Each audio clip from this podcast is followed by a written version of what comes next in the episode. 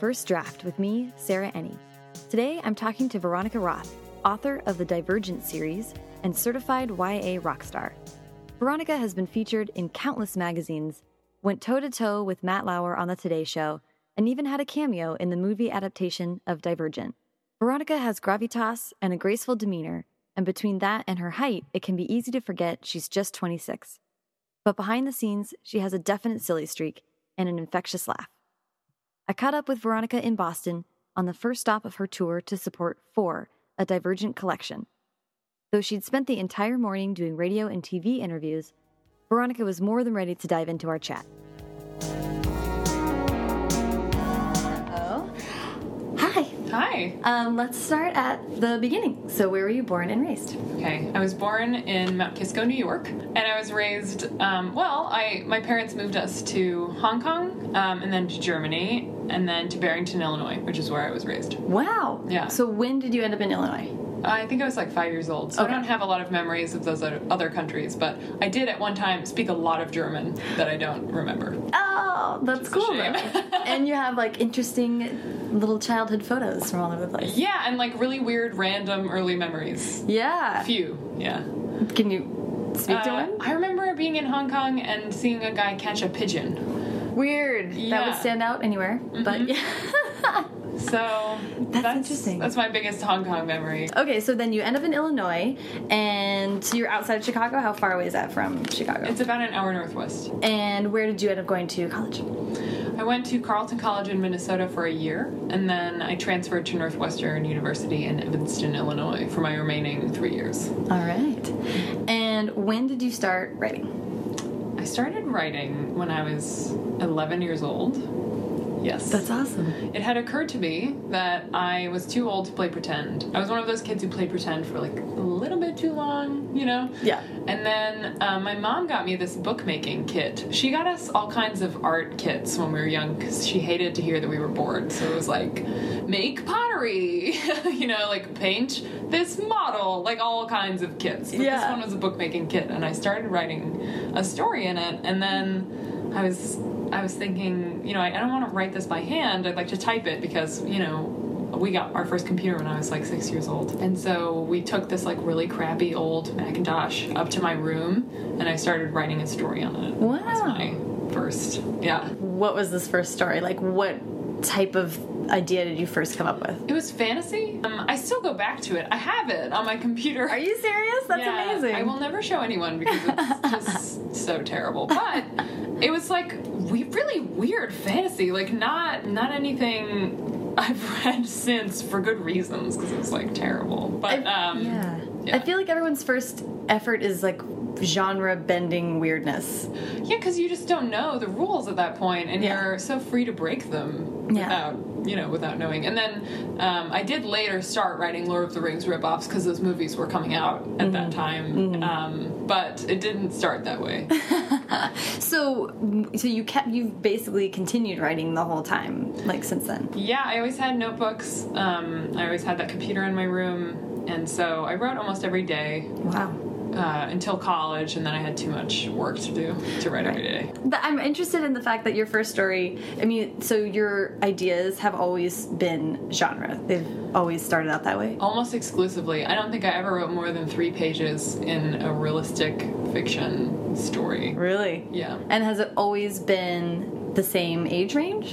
You know, I used to try to write, I think, what we would consider to be now like new adult without the romance, I guess, because a lot of the characters I wrote when I was younger were like 21 or 22. Interesting. Because I thought that was like, ad- that was like old. That's like adult, you know? yeah. Right. Um, I don't know why, but they acted like 16 year olds, really. Right. So I think it was young adults, but I just like didn't understand yeah. what I was doing. That's funny. And then as I got older, I realized the maturity of the character was younger. So then I started calling them what they were. So Mm-hmm. Interesting. it's always been young adult. Yeah, I don't think I've ever written an adult fiction story in my life. Mm-hmm. That's- oh, oh, I have, but for the creative writing program at Northwestern. Right. Okay. So let's jump into that. Yeah. So you you were you um you did you say Minnesota?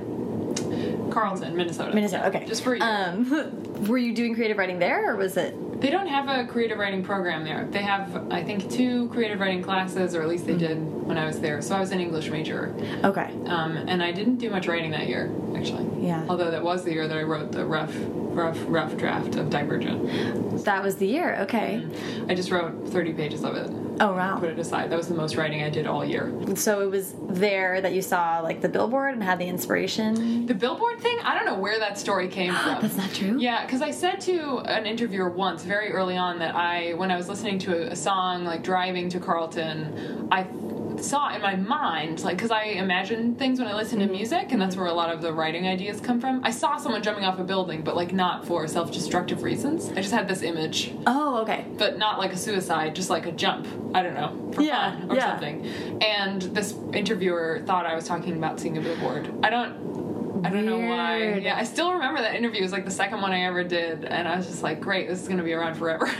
Oh my god! And then yeah, and then somehow I read it and Mm-hmm. always thought that. So so set me right. What that was just it was just driving. Yeah, it was like a with like with anything, it's a combination of pieces of inspiration. So there's definitely the psychology class one. I don't know if you've heard we talk about that probably I don't know, a million go times. ahead. Okay, um, well, I was in Psych 101 and I was learning about exposure therapy, which is a method of treating anxiety and phobia in which someone is repeatedly exposed to the stimulus that provokes their fear or anxiety until their mind um, becomes habituated to it.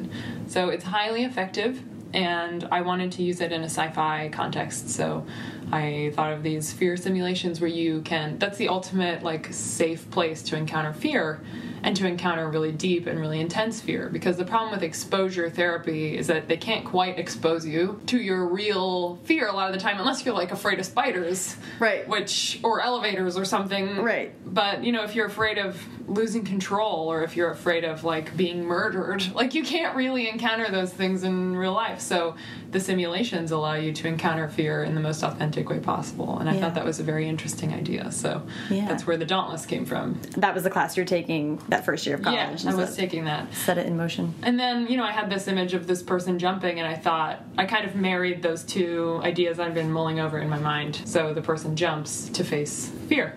Yeah, the first year you you transferred new school. I transferred. Yeah. Did you have to declare when you transferred that you were doing creative writing? No. So you have to apply to the creative writing program at Northwestern. Okay. There are only 15 slots for each genre. So there's creative nonfiction, poetry, and fiction. So um, there's over 100 applications for each slot. Wow. Or each slot, each program, um, or each part of the program, and then uh, you can only apply after your sophomore year. And before you can apply, you have to take intro to poetry, and then intro to fiction, and then intro to creative nonfiction, and then you can apply. So I had no guarantee, but I knew there would be writing classes there, so it Yeah. didn't really matter. So, but you knew sort of that that's what you wanted to do. That was the direction you wanted to go. Yeah, I was really excited by the idea that they even had that major. Um, but I was also, I just wanted to take writing classes. And I knew there were a lot of things that I could do and that I could always write no matter whether I got in or not. So it wasn't like my whole writing career hopes were like resting on whether I got into the program or not. Right. But as long as there were some people there who could teach me to be better, I was happy to to go there. Yeah. So um, I wanted to apply to the program, but I wasn't like, it wasn't like law school or something. Right. yeah. What would you What would you think you would have done if you had not gotten in? What were your backup options? I think I would have just majored in English literature. yeah. Because I, was, I had like half those classes anyway. But I might have focused a little more on psychology because that was always interesting to me. Yeah. But there was a lot of science and math involved, so that would have been hard to do at the same time as. I did end up with um, almost a religious studies major. Really? At the end. Yeah. Just because of the you, you the I just classes took you so many accumulated? classes, yeah. I just didn't take the capstone class where you need to write like a 50 page paper. Oh yeah, Mm-hmm. yeah. Those are Yeah. a lot of work. Mm-hmm. what kind of classes do you take for under the religious studies? Well, you have to take a mixture of Eastern and Western religions for for the major, and also because I found them interesting. So I took I took a lot of intro classes. So um, it was like intro to Islam, and then intro to Buddhism, and then I took one on like Eastern religions in film. That was really cool. Interesting. Yeah. Cool. I took a bunch of Bible, like Hebrew Bible classes, so um, a class on Moses and David, um, one on Job, a Catholicism class on Mary. Oh, wow, Um, yeah. Yeah, I Cool. took a lot. It was super cool. It- Yeah. They were the most interesting classes ever and taught from a very secular perspective. Like, no one at Northwestern is, if they are religiously inclined, they do not share it. I mean, taking classes on religious texts is I'm personally more familiar with the Bible than than others, but they're like some of the best stories. I mean, that's a Yeah. whole other also level of analyzing story and the most basic story on which how many other stories are built and all No, that. and they're so weird and they're dark and um, the characters are i mean the more you study about david the more you realize what an asshole he was Yeah. Like, really like a murdering adulterous asshole and then he's described as like a man after god's own heart Right. and it's like what does that mean yeah. okay, is it true that I heard this the other day that Goliath was like six six? yeah he's just a really tall dude Yeah. Yeah. I heard it from a guy who was six six, and he was like, "Yeah." I'm, I'm goliath man It's like, well, I I can could- come to terms with it. i could knock you down with a tiny stone so leave me alone exactly. Um, okay, so you're you're at school. You're taking creative writing classes. yeah How did you find those classes to be? I found them to be very challenging. I wasn't aware of this like literary fiction snobbery that people talk about while I was there. I just didn't think about it. Um, and I was terrible at poetry, but my professor was incredibly patient with me. So I, I'll never forget when I wrote a poem and it was just like full of the most annoying language known to man because I thought that's what poetry was. And she wrote on it that it was bombastic, uh, Ooh. which I thought was interesting because I was like, that word is bombastic. Yeah. And I got so mad, but then when I read it again after seeing her c- feedback, I was like, oh my god, you're so right. This poem makes no sense. at all." so um, I think what it taught me, which was hugely significant and changed my writing life forever, is that first, you can survive criticism, that it does it is not actually life threatening Right. um, and also that you can improve dramatically through experiencing it. So I have been hurt so badly, like ripped to shreds by all these people in my writing classes because they were really good. They were much better than I was. Um, at least it felt that way.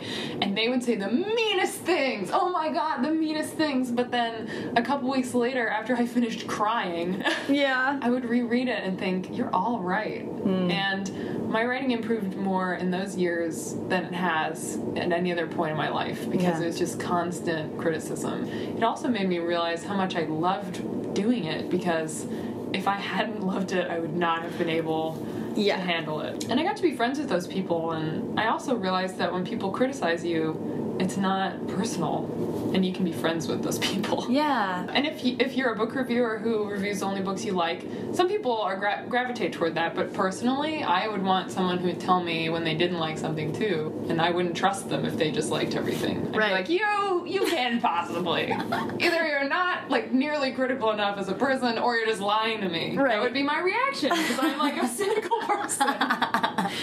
so I think that's true.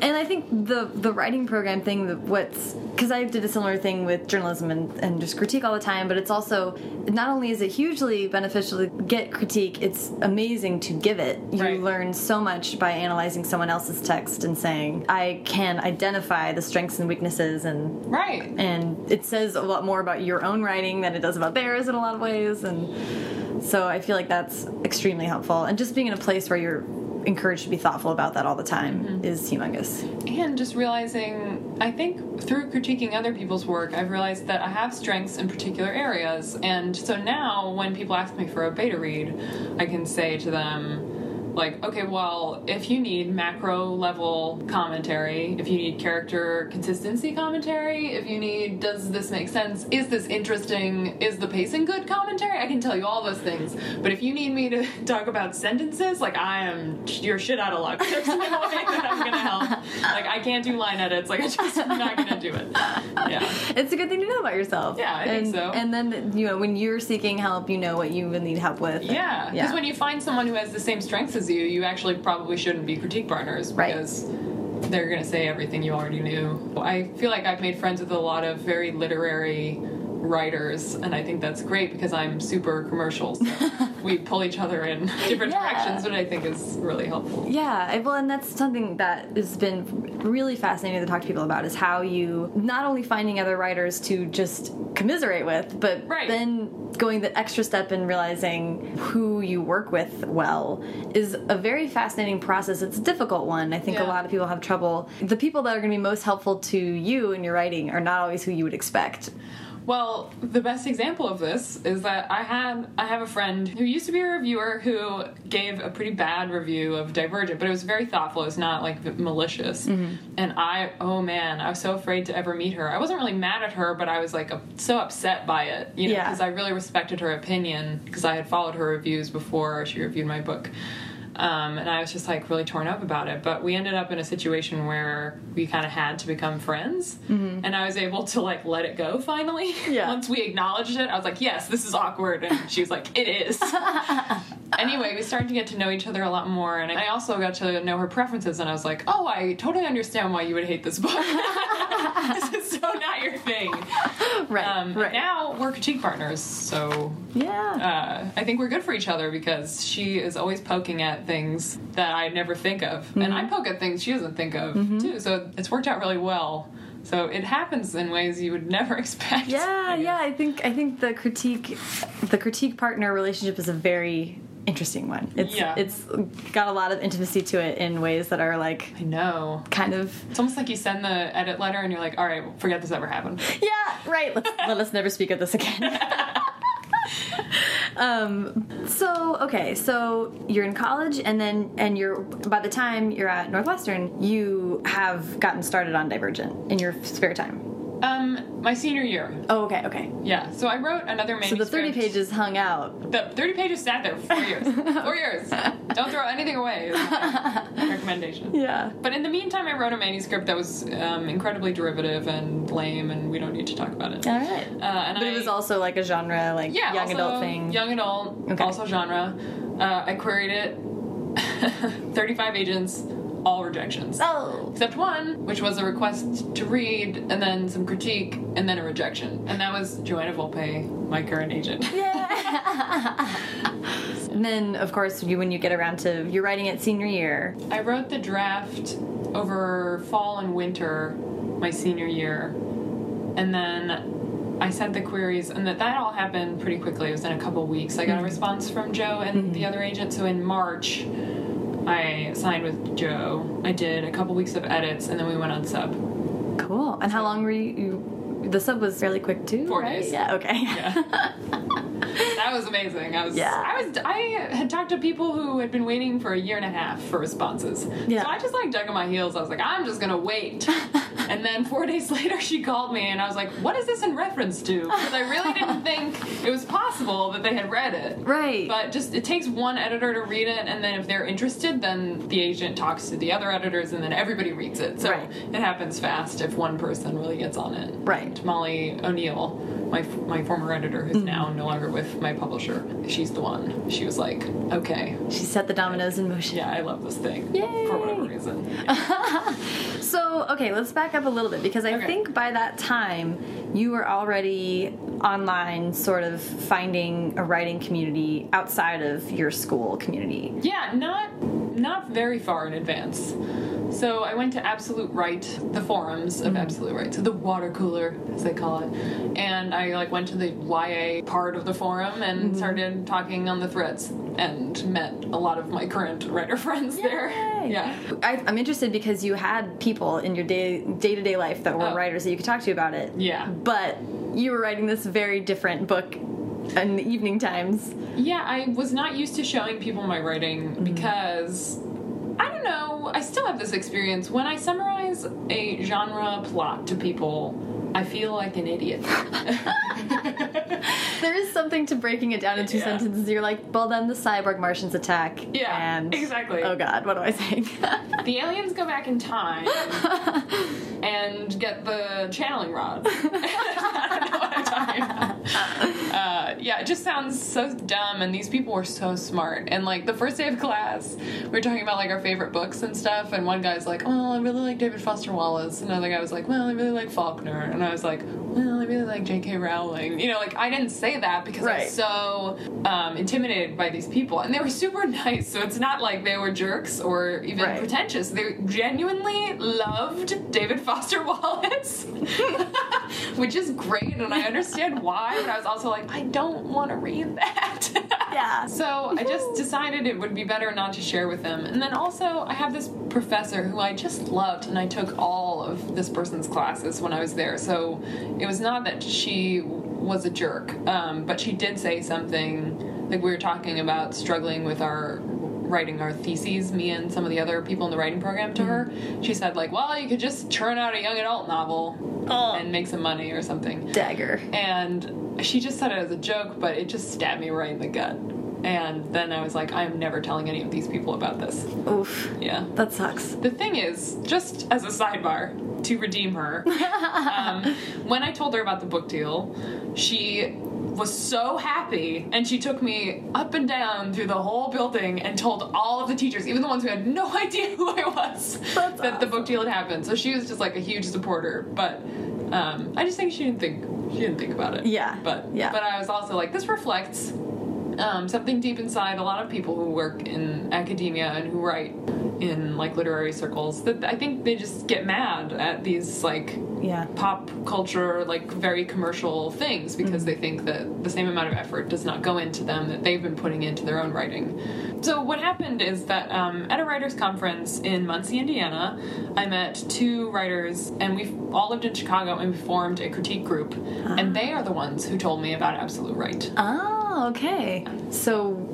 okay, so that's interesting because you were already then finding another community yeah physically outside of Right, school. right. Um, and they said, go to the internet. yes go to the internet and i did And how long were you? I mean, when when between when Divergent sold and then it came out, there was like a year, or was it a little more than that? yeah it was a year And, and so in that time, you're sort of building up the like online friendships and all these people. I mean, how did it how did it kind of grow?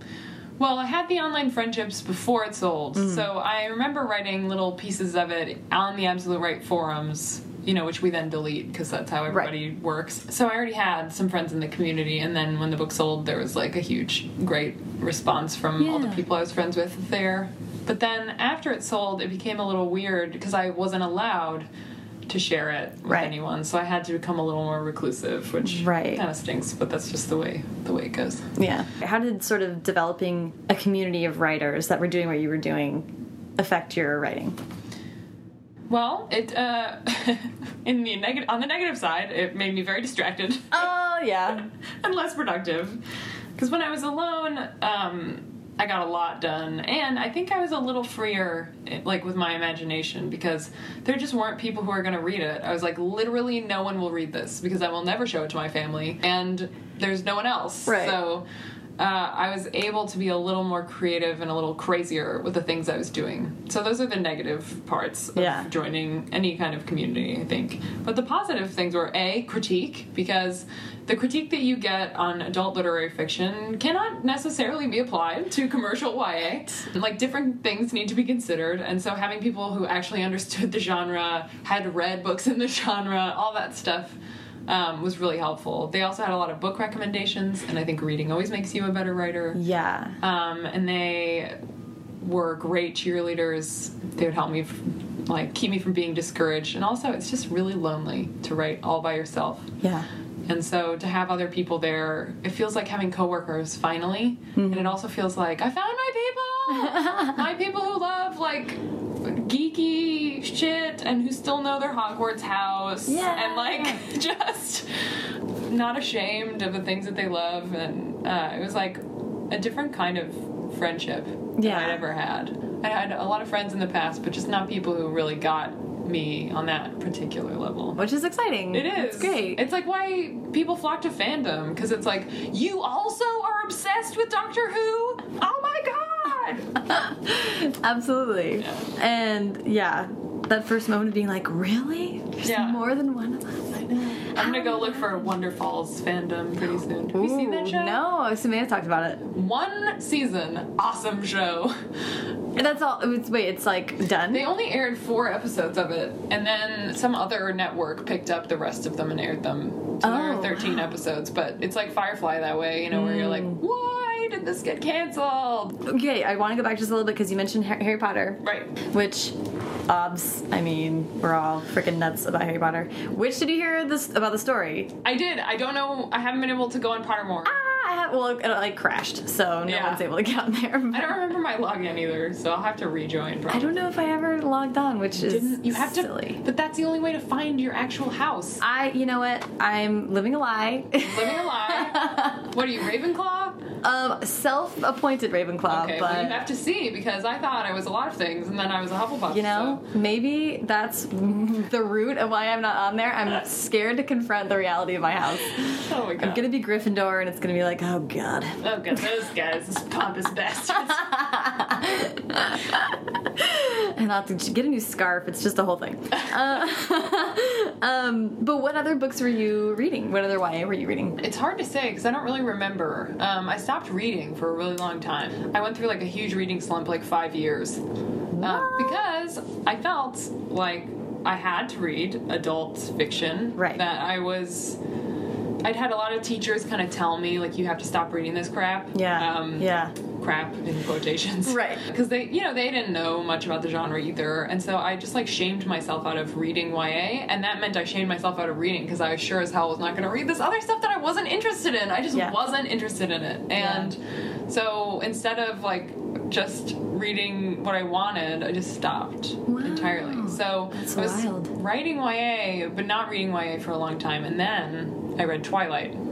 So a lot of people like to crap on Twilight, um, and I understand that there are reasons, and there are definitely reasons to be critical of most things that are out there. But one thing that it did that was tangibly good is that it made me want to write and read again. So I read Twilight, and I was like, all right, what else is there in this genre? So then I read a bunch of other stuff, and Yeah. it was really awesome. Yeah. So I read, well, before that, I had read um, Garth Nix's series, Sabriel, Lyriel, Eborson. where There's a new one coming out. Yeah. Clarion. Clariel, yeah. Um, and so I kind of I reread those because I was like, I remember liking those. I started rereading a lot. So Oh, I, Then yeah. I reread The Giver, and then I reread A Link, Wrinkle in Time, and then I was like, all right, what's the new stuff? So Yeah. I think at that point I started reading The Hunger Games, and um, what else was there? The Maze Runner, Hmm. um, So then you're sort of getting into real time. The Duff, yeah. Yeah, yeah, yeah. Mhm, Getting into real time. I started reading things that I was hearing about from the people in the community. Yeah. So, you know, Cody Keplinger was also a part of Absolute Right, and so I heard about the Duff through that, Mm-hmm. and I, that's why I read that, and then, you know, just like kept happening. Yeah. More and more books just kept piling on. Oh my gosh, yeah. This is a question I ask about myself because I have not watched like um, Dawson's Creek Right. or I hadn't watched Buffy or Gilmore Girls, all these things that I was like, all my friends had. So I found myself being like, so what was I doing? I know! I don't, and I don't have a, I still don't have really an answer for that, probably The Sims. But The Sims. Oh I have Too, maybe an yeah. idea. SimCity, SimCity 2000. Roller Coaster Tycoon, no big deal, guys. It was Roller Coaster uh, Tycoon. really successful. Dinosaur Tycoon. What the fuck was that about? Okay, I don't even know You, it was like Jurassic Park. I'm upset that I did not know You about have to this. go find it Holy now. crap! I'm going to. Um, what what were you filling your creative time with besides books? Writing. Okay, you were writing. Yeah. so- okay. Sorry, I'm thinking. What else did I do? Nothing. I didn't. I didn't read. I just wrote, uh, which makes me feel ashamed a little bit because all Why? writers say like you need to be reading all the time, and I was like, well, I was from my entire childhood, but then I was told to stop reading these things, and so I kind of fell off the wagon for a while. Well, Oh, I think that fell off the wagon. But yeah, no, I was writing all the time, and uh, I did watch. I always watched a lot of TV, so I did see Buffy. I was obsessed with like The Matrix Yeah. um, and Buffy I liked a lot. What else did I do? God, homework. Seriously though, Yeah. homework. I know. I think that is what was taking up freaking calculus. Yeah, you probably were just studying us all into a corner. Mm, I don't know. I think I was also sitting in front of my boombox with dual cassettes, making. Yeah, Recording from or the like radio. holding a microphone up to the radio to like record it onto a cassette. Yes. Hours and countless hours spent, and then Napster just ruined it all. I know. So okay, uh, you sold as a trilogy, so you Right. knew there was three books. Then at what point did movie discussions and movie um, sales talk start happening? So a couple months after the book sold, Joe told me uh, we have this guy in the office. His name is Puya, and he handles film rights, and he would like to talk to you about Divergent. And I was like, "What?" And she was like, "Don't get too excited. He just wants to talk to you about what you like to do." The thing is, like a lot of times when authors' books are made into movies, people will say stuff like, "Well, you shouldn't have let them make it if you didn't want it to turn out this way," and it's like, "Well, but I, you don't think it's actually going to happen. Like you don't." It, it occurs to you as like maybe an interesting opportunity. Like, Right. Oh yes, let's explore this interesting opportunity. Right. And then suddenly it'll be happening, and it'll be like, oh. Um, and then you just have to wait and see and hope that they do justice to your work, which I was lucky enough to feel like they did. Yeah. So, but anyway, Puya called me and said, "We'd like to pitch your book. I'd only like to pitch it to people who I really think are good people, and who are really serious about making it. So Yeah. I'm not just going to send it at people." And he told me he was getting a lot of inquiries about it because people in the movie industry are paying close attention to young adult books because of how well some of those have done in the box office. So he was getting pestered. Anyway, so he he told me he would go, he would send it to like a very small list of people um, once we got the arc. And he did, and he got some interest from a few people, but the most serious interest that he got was, was from a production company called Red Wagon and a studio called Summit, Summit Entertainment. So A little studio. they were. They were a little studio That's back true. then. Mm-hmm. They were Twilight Studio. and that's they'd done the Hurt Locker and Twilight, and that was pretty Yeah. much Oh my god. Yeah. it. Yeah. And the So, first Twilight, which was like a tiny movie. ti- tiny movie, terrible wigs. The wigs didn't Mm-hmm. all get the much wigs. better. Yeah. I mean, I got I freaking love these movies. So I I know, am not I know. like I'm not talking crap. I'm saying it's blessedly. it was so s- it captured the the mood of it. So anyway, we I can talk know, later it was about all how amazing blue. it was. All blue, but it was it was so Pacific Northwest. I just know. fall in love with it every time I watch it. I- It gives me a particular feeling, and sometimes I need that feeling when I write, and so I watch the movie over again. I do that too. That's I awesome. literally put it on in the background. I want to hear the first song. The first song when the plane is. This is so. Full, what- the this is so full moon ridiculous. song is that what it is? Um. Oh my god, I'm not gonna sing it, but I. But the I can hear it in my head. Yeah, yeah, no, it's, Yeah, yeah. And like the plane's going, I just want to hear that because it sets the whole thing off, and then I turn it way down and I start writing, and I'll just hit replay over and over because it just puts you in a zone. It's, yeah. visually very um, articulate, and I think it's really effective. yeah. Anyway, so they were small; they were just the, the he was, you know, he was like, let's feel it out. Because he was like, we're not in a hurry to sell because the book hasn't come out yet. This happened over the course of a year. right. So uh, I did meet with Doug Wick, who um, is one of the producers of Divergent, and he was just like super nice, and he cared a lot about the book, and he had clearly read it. Um, and That's the bonus. everyone, everyone who I encountered at Summit had actually read it, and you know you can just tell because they tell you actual details about the things that they liked, and they were all really enthusiastic. So when they put in an offer, Puya was like, you know, I think even though the book hasn't come out yet, and maybe we could get you know other offers after it comes out because a lot of people are interested. I think we should go with these people because we like them and trust them. Yeah. So I said yes, and that was I think a month or, or so before Divergent came out. Okay, so that was right before our release date. Yeah, so like April 2011. And then, how does it go from there? Was there like a silence for a while, or did it keep going pretty steady? Well, they just kept trying to work on it. So basically, the movie process is like, let's see how many people we can pile on. And if we pile on enough people, they'll actually make it. Right. So they just keep trying to sign people. Right. So they signed on Evan Doherty as a screenwriter, and then it was like do do do do do do do for a really long time. Yeah. And then then they got uh, Neil Berger to be our director, and then they signed Shailene Woodley, and then it was like, all right, we're really making it. Yeah. Yeah. Yeah. So that happened. All those things happened like right before they started filming. It felt like everything was happening in six six months before they started filming. Right. Right. Right. There had been like this period of what two years where nothing had happened. Right. Okay, well, we'll come back to the movie stuff. But by this point, the book's out. You have the movie deal stuff going on. You're done with college and you're a pro writer. Yep. How do you, like, what is the struggle for you of being a full time writer? Well, I went through a post graduation depression, basically. Not emotionally so much, but like in my writing life. I'd only learned how to write in like the tiny spaces of time between classes or like the tiny spaces of time after homework and before bed. Mm-hmm. So I, I didn't know how to write like when there was nothing else going on. Right. I only knew how to cram it into spaces. Right. So I had all this space and all this time and I could not get motivated. Yeah. Also, the pressure was mounting because I was like, oh, people are going to read it, so you better make it good. Yeah. Ugh. and that's a that's a I Uh, Yeah. mean, I you know, you hear that a lot from people writing second books after the first one sells. That's a Yeah. total shift of consciousness, which is crappy when you're writing. You don't really want to consciousness.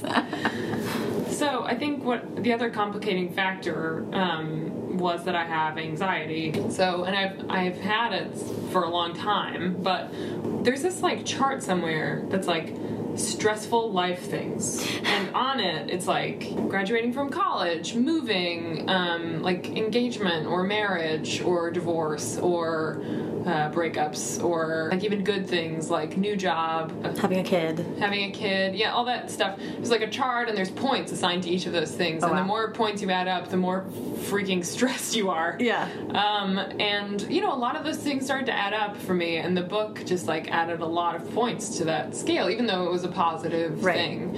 And I started to, I'd always known that I was neurotic and also that I was anxious, but that's when it started to be like downright terrifying. Like, I remember after the book deal, after I got the book deal, I was super happy, like over the moon, wild and crazy. And then 10 minutes after I got the book deal call, I sat at my desk and I cried and I, pan- I had a panic attack. Oh my god. Yeah. So, um, you know, I was happy, but I was also like, oh my god, what does this mean? You know? Yeah.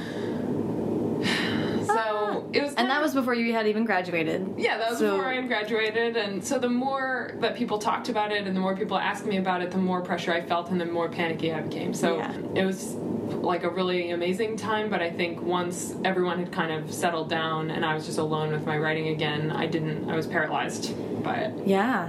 So how did you what were the steps that you sort of took to try to come get over that? I powered through. Wow. So I would sit down every day and I would be like, You are writing a thousand words. And it felt like tearing out my own teeth. Yeah. But but I did it every day. And then at some point, like in the middle of Insurgent, I think, Hmm. I got into a groove and I was able to finish. So Like a long run. You yeah, got into a zone sort of. somehow. Yeah. But really, the whole first draft of Insurgent was pain. It was hard. It was Yeah. really like I hated every page of it. I hated every character. I hated everything about it. Wow. It was only when I revised that I was able to be like, oh, okay, I actually like this again. Right, Because right. I've done it. Like I, I've always hated drafting. Oh, I was so- gonna say, do you feel like that's part of it? Is Yeah. first drafts suck? Yes. I don't. People. Some people love drafting. I feel like most people love drafting. Ah, I just really? want to set it on fire and Yeah. set it into space. Like I just, I want someone to like make a replica of what I'm thinking in my mind on a page and then revise it. Mm-hmm. Because- So you're struggling with not only writing a book, but with maintaining a level with your anxiety, Mm-hmm. and and how did you deal with that? So um, I've been to therapy several times in my life. Um, once in high school, once in college before any of this happened, once after, but not about book stuff at all. Then again, a couple years later, after um, that was more book focused on books and job stuff. Mm-hmm. So I've been a couple times, um, and when I was young, I went to a psychologist in school. So it's really been like a lifelong Yeah. struggle. But I never really acknowledged it as a like an anxiety disorder. I just was like, oh, sometimes I need to go to therapy. Right, 'Cause In my family, my mom would be like, "It seems like you're struggling. Do you want to go see someone?" It was like going to a doctor. Yeah. I mean, it is going to a fucking doctor. Yes. Yeah. This makes me so mad. Uh, so sorry, the swearing's gonna come out. that's okay. That's okay. Um, so my mom was like totally normal about it. She's like, you need to talk to someone to help you figure out what's going on. Yeah. And it felt totally normal and Yeah. like a healthy thing to do. So Which it Um, is. That's so that's it is, awesome. Yeah, but I think a lot of people grow up in houses where even if people are like, yes, it's, it's good that other people have access to therapy, but none of my children need therapy because Mm-hmm. my children are normal and not crazy. It's like, what? Yeah. so I had gone a couple times, so I kind of knew a few ways to combat anxiety, but really I was living with it for a long time before I was able to acknowledge it for what it was. So in Romania, my husband and I moved to Romania shortly after getting married, and that's where I revised Insurgent. And when I was in Romania, it was like too many points on that scale, on Right. that stress scale, like Right. way too many. I actually found it, added them up, and it was like over 300, which is insane because we had What? moved, we had moved, we had moved to another country, we had just gotten married, we had work stress because I had to revise this book in a very short period of time, and like I didn't, I don't know, so it's like a bunch of things added Yeah. together, and I was just like, I, I think I'm breaking. Yeah, So- yeah, yeah. Oh my god. so I couldn't. I was in Romania and I loved Romania, but I couldn't leave the apartment because it made me too nervous. So I Yeah. have to. I couldn't leave it alone. I could, had to leave with Nelson. Yeah, it was it was hard. It was a really hard time. Yeah. And while I was there, I realized it was affecting our relationship in a negative way, and that is when it occurred to me that I needed to go to therapy in order to not damage Right. my relationships. Right. Three days after I got back from Romania, I called a therapist. Smart. Yeah. Good. Um, so, yeah, that is, we're sort of sticking with the timeline. So, your insurgent was a tough one then. And Sergio, a lot of people have a second book slump. Like Yeah. they don't. They writ- wrote the first one in the privacy of their own home, Mm-hmm. and then they hit the second one, and they know people are going to read it, and they just freak out. Yeah. So it's kind of an interesting phenomenon. For writers, Yeah, I think. yeah. But yeah, it was, I definitely second book slump had it. Yeah, and and is part of what you went to therapy for to sort of help have someone help you figure out structure for write your writing life or No, we never talked about that. Um, we talked a lot about. I think like being chronically overstimulated by the internet because yeah, some peop- Internet. some people navigate it so well. God, I don't know how they do it. But for me, I had gone my whole life without ever sharing writing my writing with anyone. And yeah, I did get ripped to shreds at Northwestern a lot by my classmates, but that was only 15 people, Right. 14 people. So I knew criticism was good, but I wasn't used to getting it from everyone all the time. Well, after Divergent came out, like that started to happen, Yeah. which is just what happens. But I think I was just like mentally unprepared for it. yeah. Um, well, can you be? I mean, Yeah, a lot of writers freak out when they start getting reviews. I Yeah. Think. So I never freaked out in public because I knew that that was a bad idea because I was also like, but you believe in reviews. You think reviews are a good thing. So stop freaking out and man up and get over it. But then the anxious part of my brain was like, but everybody doesn't like me. And I was like, well, everybody's not going to like you. And then my brain was like, but I want them all to like me. so it was just like a really uh, weird time when I was realizing a lot about myself. Yeah. That I had like conditioned myself. I was like, okay, you need to be perfect at all times. And then people were pointing out that I wasn't. Right. And I, I freaked out. yeah. So is that what you were? We worked a lot on that in therapy after I got back from Romania, which is right before Insurgent came out. Right. And right after Insurgent came out. Right. But what I did in therapy is ex- I did exposure therapy. I hadn't done it before then, and I had written the whole book Divergent based on Right. based on it. But I hadn't done it, and uh, what we did is we looked up the nastiest reviews, like the ones that are super mean and not at all constructive. We looked them up, Really? and I read them, all of them. What? Yeah. Like out loud? Yeah, because they it was um it wasn't so much that I wasn't like actively afraid of reviews, but it was something that was guaranteed to provoke my Oh, yeah. fear. Yeah. So um, my fear of failure, my fear of a lot of things. So he was like, "All right, find them." And so we'd sit in therapy, and I would read them over and over again. And now they don't do that to me anymore. So Yeah. it worked. I mean, I still I still get upset by them just like anybody else. Yeah. But I do not panic. Yeah. Wow. That's amazing. It was crazy. It took a year. Yeah. That's not all we did. We did a lot yeah. of other things. We did all, we did it for like four weeks, I would say, Wow. Wow. because I never want people to think that I hate reviews or reviewers or that like I'm a sissy who can't handle it Nah, right. No. but it was just because of like the fears that I had fears of failure, fear, fear of not being liked, fear of being a bad writer and Yeah. not good at your own job, and you know, normal fears that people have, but I Right. had them to like a really extreme degree. So we found something that was reliable Yeah. to provoke the fear. So I just want to be clear. Yeah. Yeah. Yeah. Definitely. Yeah. It was your elevator. Um, you could do Yeah, it. it was my elevator. It was my spider. It was my snake. It was, that was just what it was. Yeah. And um, post insurgent making yourself pull your own teeth out yes, so to speak Yes. how have you developed a new like writing balance Well, I think once you do the second book, you never have to do that again.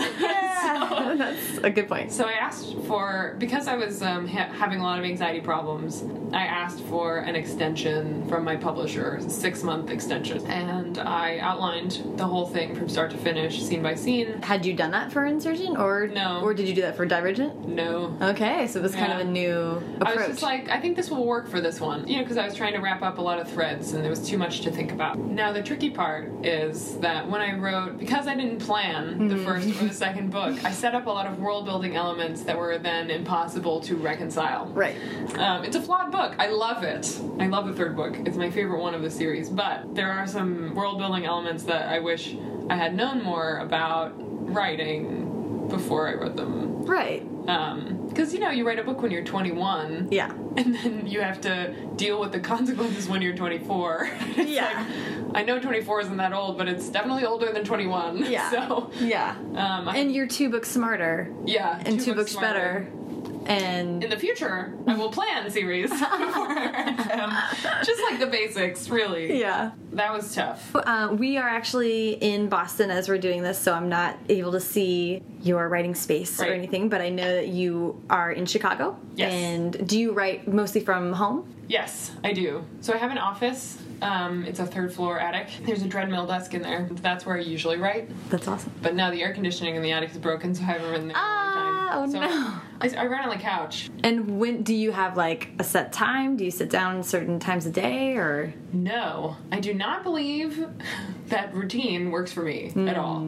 So every day that I live is very different from the day that came before, Mm-hmm, and just in terms of like the minutia of my schedule, like when do I take the dog for a walk? Right. Never at the same time. Right. And I kind of write when I feel it, mm-hmm. not when I feel like it, because sometimes I don't feel like it and I Right. still do it. But when I have wh- whatever comes next, when I know what it is, I try to sit down and write it for at least a couple hours. Yeah. And if it's working really well, I'll write all day. And then if it's not working, I stop. Yeah. So I stopped putting so much pressure on myself to like be productive every single day. And usually in those times when I give myself permission to just like go take a walk, go grocery shopping, clean the house and like just do other productive things, I have like this huge revelation about what needs to happen with the book to make me interested in it again and then it Yeah. works. That's so interesting. So I love this that you so you wait until you know what's what you're going to write next. Basically, you're giving yourself a door back into the book. I feel like I sometimes sit down and if I if I had to stop the previous time in the middle of a sentence or something and then I don't remember like what Oh, I, yeah. I mean that's the worst. You can't you can't kickstart yourself if Yeah. you're like but I have no idea what's next. And I mean I don't know, that's been the biggest thing about learning to draft for me is I'm like okay, if I don't plan the book's not going to get written because Right. I, I cannot sit in front of a blank page and I have to know that about myself. Yeah. Like it's hard enough to sit in front of, a, of an outline that you're just creating out of nothing. No, it's terrifying and discouraging, I think. Yeah. and it puts so much pressure on it's like um there's this psychological phenomenon where if people are watching you perform a task you lose the ability to perform it as well as usual so like i drive really well alone Mm-hmm. but when someone else is in the car i drive like an idiot But yeah because someone's watching yeah. that's how I feel with the blank page. It's like someone backseat driving me. Yeah. it's Yeah, like yeah, someone yeah. yelling at me, like, do it, do it now, do it faster, do it better. Some, or it's it's almost like something amazing has to happen Right. because you don't know what's going to happen instead of like well all she needs to do is get to the party or Yeah. whatever. You know, it's it's so much it takes some of the mystery out and that's like a, s- sounds sad to say, but Yeah. the mystery can be really intimidating. Well, I also try to free myself from process in as many ways as I can. So some people find a process that works for them every time, but nothing has worked for me twice. So like I don't say like, oh, I have to do it this way. I have to write. I have to write start to finish. I have to write out of order. I have to write by an outline. I have to write without an outline. I don't say any of those things. Like the only way that I have to write is whatever makes the words go. Yeah. Like if I if it's not working the way I'm doing it, I try some other way of doing it. Yeah. And that's the benefit I think to looking up writing advice and reading books about writing because it just gives you a lot of things to try. Yeah, that's true. Um, try everything once. Yeah. It's kind of interesting from my perspective because you're talking about when you were actually writing Divergent, squeezing in the words, doing all these things, and right now you are like hella busy. so do you feel like you're sort of back to somewhat? Do you write when Oh, you travel? Do you Cramming write- it into all the spaces? Right. I am back in that place, so it's really helpful, actually. Because I, I mean, you're you're traveling a ton. Do you feel like you're still able to do good work while you're on yeah. the road? Because the airplane is like a secret weapon of writing. So some people can't write on airplanes, and I understand that. But for me, it's like I cannot go on the internet, and I don't load like any kind of movies like onto my computer. I just don't do Yeah. that. So it's just me and the computer and the notebook. So it's just like Veronica, you have to, you have to do it. So I just take it out and I open it. It's that or stare Yeah, pretty much. the back of the seat. So I get a lot done that way because I just like you know you just have to. I love that too. And trains are the same Oh, I way. love trains. And I feel like, um, do you sit in the window seat? Yes. Yeah. So I can angle away. Oh, that's smart. Something about that is the perfect distraction because sometimes coffee shops can be a little too interesting Yeah. and home can be a little too boring, but if you're if something is moving and constantly changing, you can sort of look up and have a couple, you know, 30 second moment of distraction, but it's not something that's going to engage you and That's then a you good can go thought. back to it. I feel like that's why I've always I always sit in the window seat, trains and planes and I always get a crap load done. So I don't know. I find that interesting. You're sort of back because you are you're um, you don't have to talk about what projects you're doing, but you are writing other Oh, yeah. non-divergent things. Yes. Well, the secret that I ever wanted to tell anyone was that I'm always writing other things, and I always have been, even when I was writing the Divergent books. But whenever I would say something like that, everyone would yell at me like, "Well, work faster," as if that's going to make the pub date change, which it doesn't. right. um, and it's like sometimes you just need a break. So Yeah. I've always been working on other things, and a lot of them have just like, f- most of them have like petered out after 100 pages or something, and Mm-hmm. they're not going to be anything in particular. But um, there are a few things that I think have legs, so to speak, Yeah. that I'm interested in having fun with and not letting anybody see. and it's going to be great. Yay. But they're all young adult and they're all genre. So You it just got- never changes. You've got a pattern. A couple weeks ago, I was like, I have a really solid contemporary fiction idea. And then I was like, but I'm not going to write it for a long time. So that's the first one I've Oh. ever had. I do find that interesting because the thought of your of the ideas growing and changing over time is something that is Yeah. really interesting to me. And like, who knows what we'll be writing in 20 years or, or all that stuff. It's like, Mm-hmm. you know what I think about with this? Catherine Applegate. So, Catherine Applegate spent a lot of time writing, I think, package books, really. I mean, the Animorphs books. oh yeah, So she started out in like the most commercial possible place, Mm-hmm. and she just kept working. And then she has one and only Ivan, and she won what the Prince? Is oh that my what it is? god, a, a buttload of awards. And you know what? She's awesome. And it's like you don't have to start in one place and end up in another. And she doesn't have to keep writing that kind of book either. She can write whatever the hell she wants 'cause she's Catherine Applegate. God damn it. and I just like really admire that Yeah. someone who's like, I'm just gonna write the things that I either have to write at the time in order to survive, or that I want to write at the time, and like. I don't have to be any other writer than the one that I am. Yeah. yeah. I Well, try no, to- Nova Rensuma also was doing, I think she was ghostwriting stuff and never had her name Yeah. necessarily on a book that, and then Imaginary. Girls. Voila. Yeah. Yeah. Oh, I want to talk just a little bit more about Chicago. You, of course, are very clearly inspired by your city. Yeah, So I love what it. do you feel like there's an element of the city that does make you feel like creatively inspired? I think so. I was never able to articulate it properly. I used to say that at, Chicago doesn't have an attitude problem, so I think uh, this is going to be so insulting.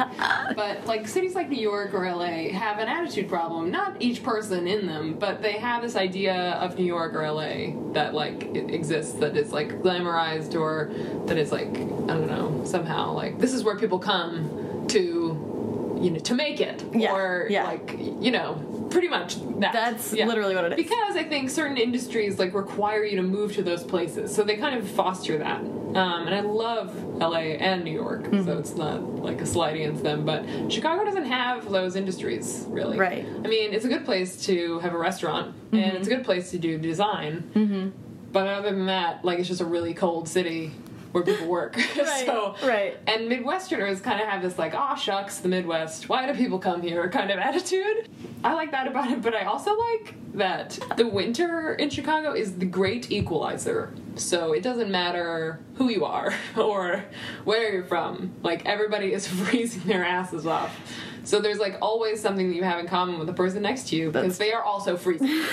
and like I will be trying to get my crappy rear wheel drive car. It's not a crappy car, but it has crappy rear rear wheel, wheel drive. I'll be trying to get it out of a parking space, and some random guy will come help me push it out because he just had to do that with his car that morning. And whether my car is a Mercedes or a Toyota, it doesn't matter. Like, Right. I need to get out of the spot. Right, So like right. it humbles us all, and and it's like a common conversation for us to Yeah. have. I don't know. I just like have a lot of affection for the place. Yeah. Well, I mean, clearly, I feel like there's a lot of like love put into the whatever version of Chicago is Yeah, alive. I mean, and I did emergent. destroy it, but I also made it into like the best playground ever. I Yeah. think. So I kept thinking, like, what would it be like in the future if no one was guarding the artwork in the Art Institute? I actually wrote a scene like that into a Legion, and then I had to take it out because Oh. it was too confusing. But for a while, they were in the Art Institute. and It was really Cool. Oh, that's It awesome. was fun. Um, do you feel like there's there's a lot of writers in Chicago, right? There's a lot of There are there are not a lot of young adult writers. Um, I wouldn't say a lot. Not nearly as many as like New York Well, or LA. yeah. But there are a few of us. Yeah. Yeah. I think Daniel Krauss lives in Chicago, oh okay. and Erica O'Rourke lives there. oh yeah yeah yeah. Gillian Flynn lives there. Uh, mm, Mm, hands eh, down. What? hands down, uh, winning. We own you guys. We have Gillian. We're coming for you. I'm I like f- find myself asking questions that have no answer about cities just because I'm fascinated by vibe, tone. Mm-hmm. Every city and every place has its own its own attitude, its own like tenor that I think can't help but sort of Yeah. shape everything that we deal with every day and there's no way it doesn't impact our writing but anyway that's like I think Chicago is proud of itself in a lot of ways and like super like supportive. I don't know. I guess I experienced this because of the Divergent movie was being shot there, and so there were like a thousand. It I think it created a thousand Chicago jobs or something like ridiculous because when a movie comes to town, it creates a lot of jobs. And so I meet these like big burly dudes who are like building a, tra- a fake train car for the Divergent movie yeah and they'd be come up to me and be like my daughter really likes your books and they'd get a book sign they were so sweet that's awesome and they were just so like so kind and not at all like ugh, this silly young adult stuff right like no one was like that they were all just like thank you for setting a book here Yeah. and thank you for setting a book here that actually takes place here or like for a movie that actually takes place in chicago that's supposed to be in chicago Right. you know but they were all just so sweet and generous and i don't know so the attitude is like chicago yeah we're the best even when we lose all the sports i don't know it's it's super endearing and like It's like a little kid who thinks he does a really good cannonball. And maybe he does. But he like gets out and he's super proud and he brags about it, but it doesn't sound like bragging because he's he's, he's like just so happy, you know? So it's like we're the best, but not because you guys are the worst, just because we're awesome. Like and Ah. our cannonball is amazing. i love that okay i'm sort of wrapping up the interviews with advice Okay. so advice for maybe let's say maybe quick advice for newer writers and maybe also advice for people that are yeah after the first second book like you are Yeah. Newer writers. Okay. Um, my twofold advice is to read a lot of advice and try everything. And don't decide that something has to work a particular way. Yeah. So I know people who write, you know, little pieces of scenes and then fill in the gaps. And I know people who start in the middle and work backwards and then forwards. And I know people who start at the end and work backwards. And those are all perfectly valid ways of writing a book. And the only right way to write a book is the way that allows you to write a book because it's really hard. And if you can get through it, like, that's a good thing. Yeah. But the other one is to learn how to love criticism because really I never would have gotten any better and I never will get any better if I don't listen to it. So you have to I think the problem with young writers is they're so defensive and insecure about their writing that they can't hear criticism and it makes them angry and it makes them lash out at like agents or critique partners. And I just think that's so so silly because if someone is sincerely offering you feedback, you can either disagree with them and not take it, or you can agree with them and become better. And there's really no bad outcome there. yeah right right So um, I think that's important. yeah But as far as older writers, uh, like people who have had books out, I think it's. I have a couple things. I've never actually been asked that question, so I'm happy, Hey. happy to share. Because there aren't that many, you know, avenues for like, let me tell my peers what to do. right, That right. Seems really arrogant. Uh, like I know what they should do, but I do know a few things. Um, and one is to stop looking around so much at what other people are doing and wishing that you had what they have because they're sitting there wishing they have what you have or what some other guy has. And um, and you'd think that like after all this divergent stuff, I wouldn't be looking around and wishing I had what other people had, but that's not true because you know you might have uh, commercial success, but what you want is respect, or you know what you want is uh, a nu- you know a number of other things. There's no end to human no, human know. desire for other experiences, and I heard other people's experienses. yeah, and I heard uh, Stephen Colbert. I think he said it at our at a commencement speech at Northwestern, maybe. Oh, But it was just like make other people look good was his advice.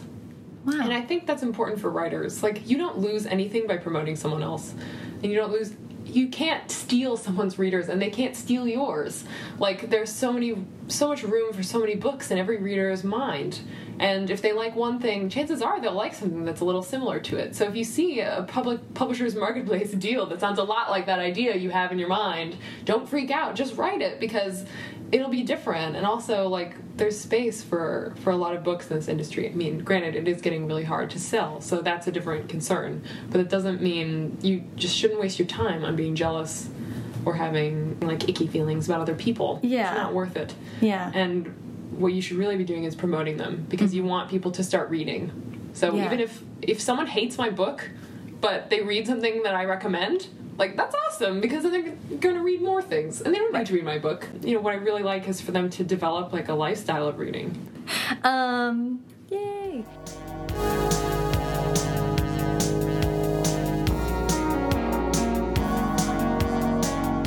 Thank you so much to Veronica. Follow her on Twitter at Veronica Roth Books and follow the podcast at First Draft Pod and me at Sarah Ennie.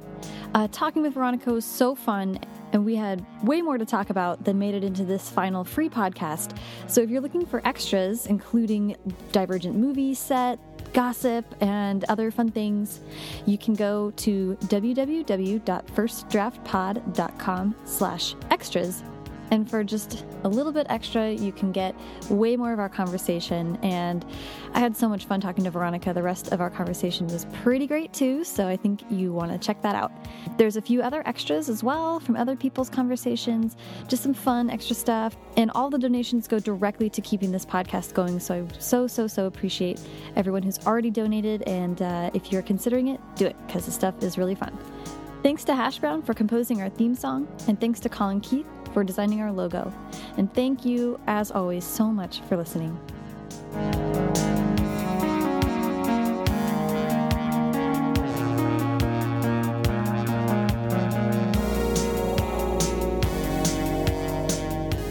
i was like just read this transitional scene that you're bored b- by and then you'll get to the making out or the violence